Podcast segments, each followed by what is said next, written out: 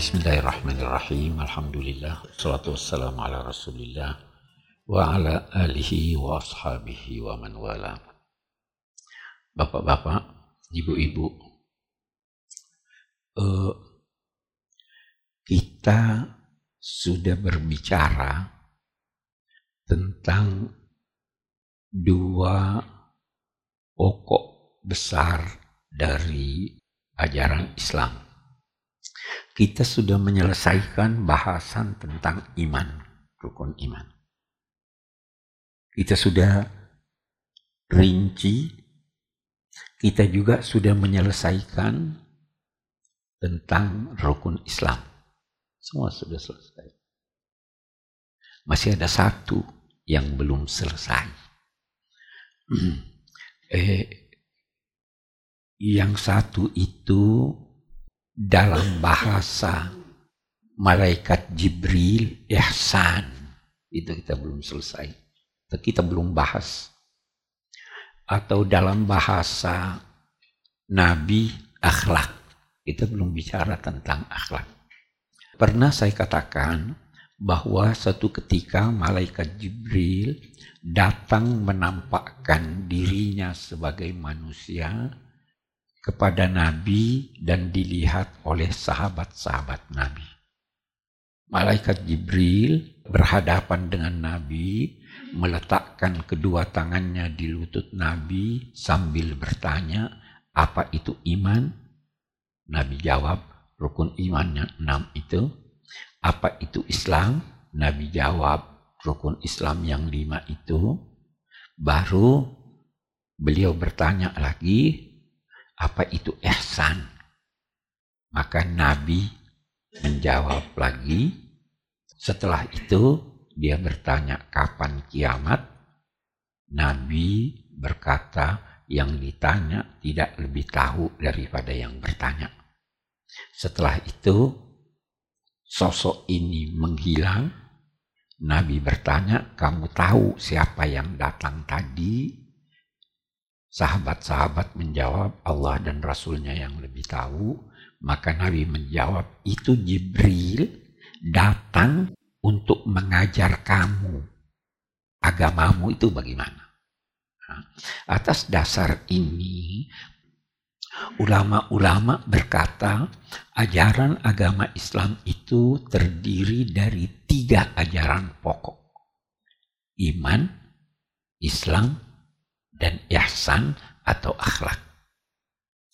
Iman, saya ulangi sedikit apa yang pernah kita uraikan, berkaitan dengan hati.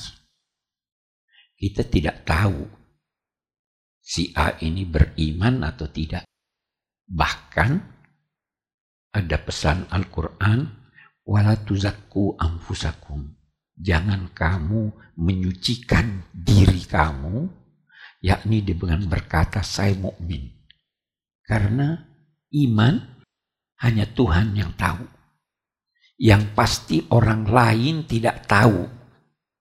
Kalau ditinjau dari segi iman, apa si A beriman atau tidak? Hanya Tuhan yang tahu. Kita boleh jadi bisa berkata, saya beriman, saya percaya pada Allah. Tapi benar tidak iman itu? Orang lain tidak tahu. Karena dia tempatnya al-imanu fil qalb di dalam hati. Kita tidak bisa membuka hati orang untuk melihat dia beriman atau tidak. Nah, kalau Islam itu ada tandanya di luar. Saya bisa tahu Anda muslim atau tidak kalau tandanya itu menonjol. Oh dia muslim. Kenapa anda berkata dia muslim? Dia ucapkan dua kalimat syahadat rukun Islam. Kenapa anda tahu dia muslim?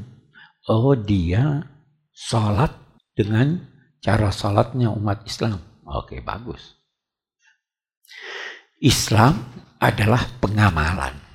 Islam adalah pengamalan. Nah, Islam kita sudah bahas dulu. Ada atau syariah ada yang berkaitan dengan aturan hubungan dengan Tuhan itu Islam. Salat itu Cara berhubungan dengan Tuhan bagaimana? Puasa itu aturan berhubungan dengan Tuhan.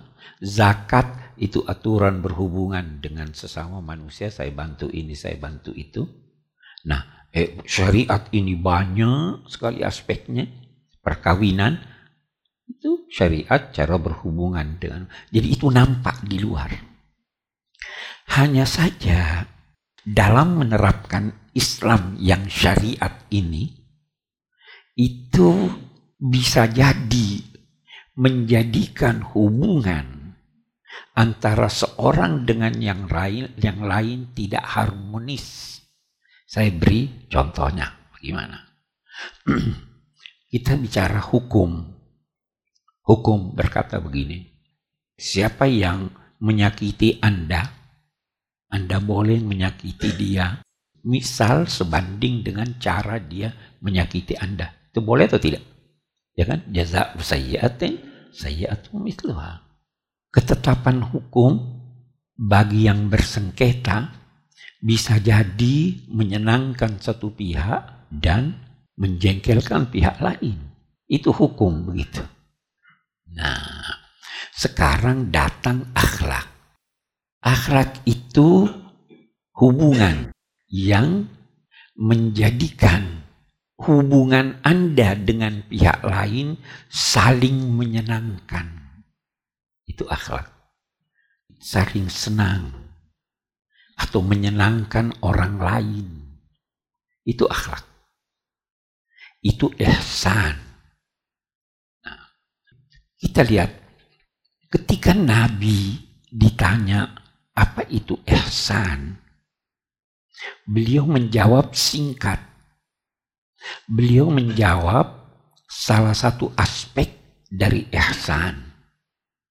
Beliau bersabda, Anta'budallaha ka'annaka tarahu fa illam takun tarahu fa innahu yara. Engkau menyembah Allah seakan-akan engkau melihatnya. Kalau engkau tidak dapat melihatnya, Yakinlah bahwa dia melihatmu. Kita mau lihat ini. Melihatnya. Pasti kita tidak bisa melihat Tuhan dengan mata kepala. Tidak bisa itu. Sementara ulama berkata, hatta di akhirat kita tidak bisa lihat Tuhan dengan mata kepala. Tetapi melihat juga itu bisa berarti melihat dengan mata hati mengetahui, menyadari. Ah, kalau tidak bisa mengetahui bagaimana sifat-sifat Allah itu, bagaimana sifat-sifat Allah itu berbekas di hati Anda, minimal Anda harus tahu bahwa dia selalu lihat Anda, dia selalu tahu Anda. Nah, kalau seorang merasa bahwa dia selalu diawasi, dilihat oleh Allah, pasti perbuatannya akan selalu baik. Nah ini ihsan. Saya katakan, Nabi Shallallahu Alaihi Wasallam menjawab eh, singkat menerangkan salah satu eh, aspek dari hubungan dengan Allah. Sebenarnya hubungan itu banyak. Bukan kita cuma tidak tidak kita tidak hanya berhubungan dengan Allah. Kita juga berhubungan dengan sesama manusia. Kita ada hubungan dengan sesama manusia. Kita juga berhubungan dengan lingkungan kita. Kita juga berhubungan dengan diri kita. Saya sering eh, kalau lihat anak-anak muda merokok, saya berkata, kamu menzalimi diri kamu. Kamu tidak berhubungan baik dengan dirimu. Kenapa? Dirimu kan ingin sehat. Kamu kok merokok? Itu bukan bentuk hubungan baik dengan diri. Nah, jadi banyak bentuk hubungan-hubungan. Semua bentuk hubungan itu terhadap siapa pun harus baik. Harus saling menyenangkan Nah, dari sini ulama merumuskan Apa kalau tadi ihsan yang digambarkan oleh Nabi hubungan manusia dengan Tuhan, ihsan dalam hubungan seseorang manusia dengan orang lain itu dikatakannya begini rumusannya. Anda melihat diri Anda pada sosok manusia yang Anda lihat. Bagaimana itu? Saya beri contoh. Anda melihat diri Anda, saya ini pada sosok manusia yang saya lihat. Jadi yang saya lihat itu saya, bukan ini. Ya kan? Saya beri contohnya. Ada orang kelaparan. Kalau Anda tidak ada ihsan, Anda lihat orang yang lapar itu, itu orang lain, bukan saya kok itu. Tapi ihsan, Anda merasa bahwa orang lain itu adalah saya. Itu ihsan. Itu akhlak kepada manusia. Oh, dia lapar. Kalau saya lapar, saya perlu makan. Lah, itu saya tuh lapar. Saya beri dia makan. Karena itu ihsan. Ketika saya mau memukul dia. Nah, kita lihat. Mau pukul dia itu orang lain. Muncul ihsan. Lantas Anda berkata, sebenarnya kalau yang saya pukul itu diri saya. Mau enggak Anda mukul diri Anda? Mau pukul diri Anda? Enggak mau kan? Enggak jadi. Karena Anda lihat orang itu adalah dia itu Anda. Bukan orang lain. Itu arti ihsan terhadap sesama manusia. Baik, saya kembali. Ihsan dalam bahasa malaikat Jibril. Dalam bahasa Nabi Muhammad Sallallahu Alaihi Wasallam itu akhlak. Jadi ihsan itu sama dengan akhlak. Kita berhenti sejenak. Akhlak. Akhlak itu bentuk jamak. Tunggalnya khuluk. Ya kan? Khuluk, akhlak. Kenapa jamak? Karena aspeknya bermacam-macam. Ada huluk terhadap Tuhan. Ada huluk terhadap sesama manusia. Tadi itu, ada huluk terhadap lingkungan. Ada huluk terhadap diri sendiri. Ada huluk kepada binatang dan sebagainya. Karena banyak, maka dia dinamai akhlak. Menarik bahwa Nabi menyatakan dirinya innama bu'istu makarimal akhlak. Saya itu diutus untuk menyempurnakan budi pekerti yang luhur menyempurnakan. Itu berarti, itu berarti akhlak yang diajarkan Nabi lebih luhur, lebih hebat, lebih sesuai lebih mulia dari akhlak yang diajarkan oleh nabi-nabi yang lalu. Kita mau ambil contoh. Kita orang berkata agama Kristen itu sangat mengandalkan kasih, ya kan? Itu dia punya kasih. Kita ambillah satu contoh. Siapa yang menampar pipi kirimu, serahkan pipi kananmu. Bagus atau tidak itu? Itu bukan akhlak, belum sempurna itu. Itu tidak sempurna. Itu bukan itu itu tidak sesuai dengan kemanusiaan manusia. Maka Nabi datang menyempurnakan dengan berkata, siapa yang menamparmu kamu boleh tampar, tetapi lebih baik kalau kamu maafkan. Kalau di sana kan tadi tidak ada itu. Ini penyempurnaannya dan banyak contoh-contoh yang lain. Jadi Nabi diutus untuk menyempurnakan akhlak. Bahkan kita bisa berkata bahwa nabi diutus itu atau dipilih oleh Allah untuk menjadi utusannya yang menyempurnakan akhlak karena beliau memiliki akhlak yang sangat mulia. Konsideran pengangkatannya itu dalam Al-Quran. Apa itu? Nun wal qalami wa ma yasturun.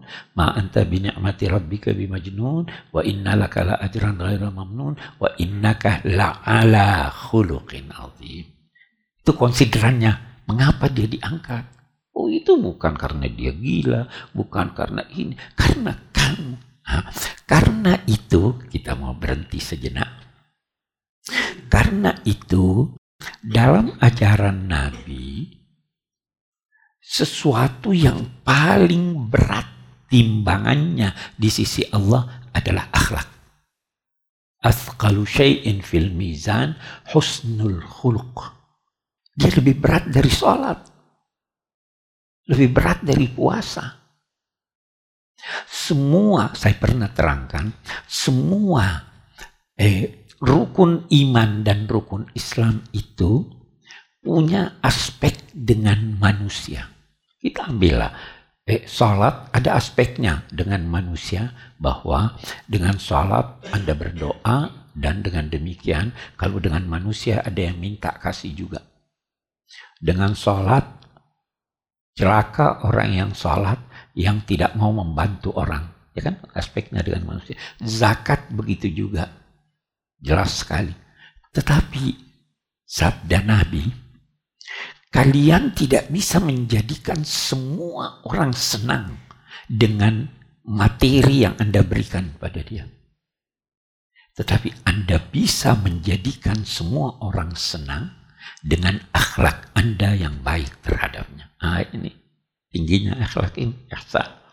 Kita itu sekarang bisa jadi kita tidak usah bicara iman karena tadi saya kata bisa jadi kelihatannya Islamnya baik sekali. Sholatnya ini, puasanya begini, zakatnya begini, tapi akhlaknya bagaimana? Boleh jadi dia kasih zakat ini, dia ambil deh. Sudah syukur saya kasih kamu. Dia zakat atau tidak? Dia zakat, tapi akhlaknya buruk. Ya kan? Itu sebabnya nanti dikatakan apa itu di, di Al-Qur'an dalam konteks zakat dan akhlak.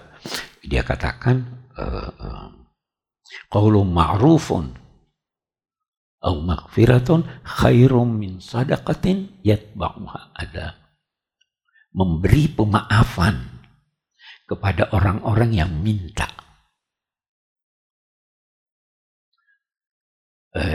ucapan-ucapan uh, yang baik yang Anda ucapkan kepada yang minta itu lebih baik daripada sedekah yang diikuti oleh ucapan yang buruk atau sikap yang buruk itu akhlak. Nah, uh, kita sekarang mau lihat akhlak itu apa? Akhlak. Akhlak bentuk jamak. Huluk. Khuluk seakar dengan kata khalaqa makhluk. Makhluk itu apa? Sesuatu yang wujud. Ya kan makhluk. Gelas ini makhluk atau tidak? Ada wujudnya. Oh ya makhluk. Apa pun yang wujud dinamai makhluk yang mewujudkannya dinamai Khaliq. Ya kan? Jadi Allah mewujudkan, Allah yang menciptakan akhlak wujud. Nah, khuluk ini ada yang baik, ada yang buruk. Sesuatu yang sudah wujud pada diri Anda Itulah akhlak Anda. Definisinya di kalangan ulama, khuluk itu atau akhlak itu adalah malakah ruhiyah. Suatu potensi rohania yang melekat, ah, melekat wujudnya pada diri Anda yang menjadikan Anda melakukan suatu kegiatan dengan mudah. Sesuatu yang sudah wujud yang ada dalam diri Anda yang menjadikan Anda melakukan sesuatu begitu mudah seakan-akan Anda tidak sadari lagi. Itu akhlak. Saya beri contoh. Ada satu orang butuh, terus dia minta sesuatu pada Anda. Kalau Anda masih berpikir-pikir lama saya kasih dia atau tidak, itu belum jadi akhlak. Akhlak sudah wujud sehingga dengan mudah Anda melakukan sesuatu. Kalau sesuatu itu baik, kita namakan akhlaknya baik. Kalau sesuatu itu buruk, kita namakan akhlaknya buruk.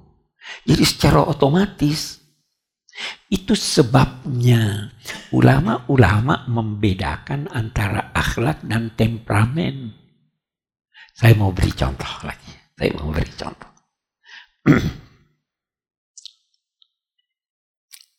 Ada satu orang terbiasa. Setiap ada yang datang, dia sambut baik, dia ini. Itu sudah kebiasaannya. Tetapi orang ini, kalau tersinggung sedikit, dia marah. Tetapi marahnya cepat baik. Ada enggak yang begitu? Ada ya. Orang ini akhlaknya baik, tapi temperamennya tidak baik. Saya beri contoh yang lain. Ada satu orang terkenal sangat dermawan. Suatu ketika ada yang minta sama dia, dia lagi sumpah, dia tidak kasih. Satu ketika, apakah orang ini saya namai akhlaknya buruk? Tidak. Karena terbiasa dia sudah melakukan kegiatan-kegiatan secara otomatis. Sekali ini dia melakukan sesuatu itu karena ada faktor yang menjadikan dia seperti itu. Jadi itu bedanya. Nah akhlak ini sudah terbentuk. Orang sudah terbentuk kepribadiannya sehingga dengan mudah dia melakukan sesuatu itu akhlak.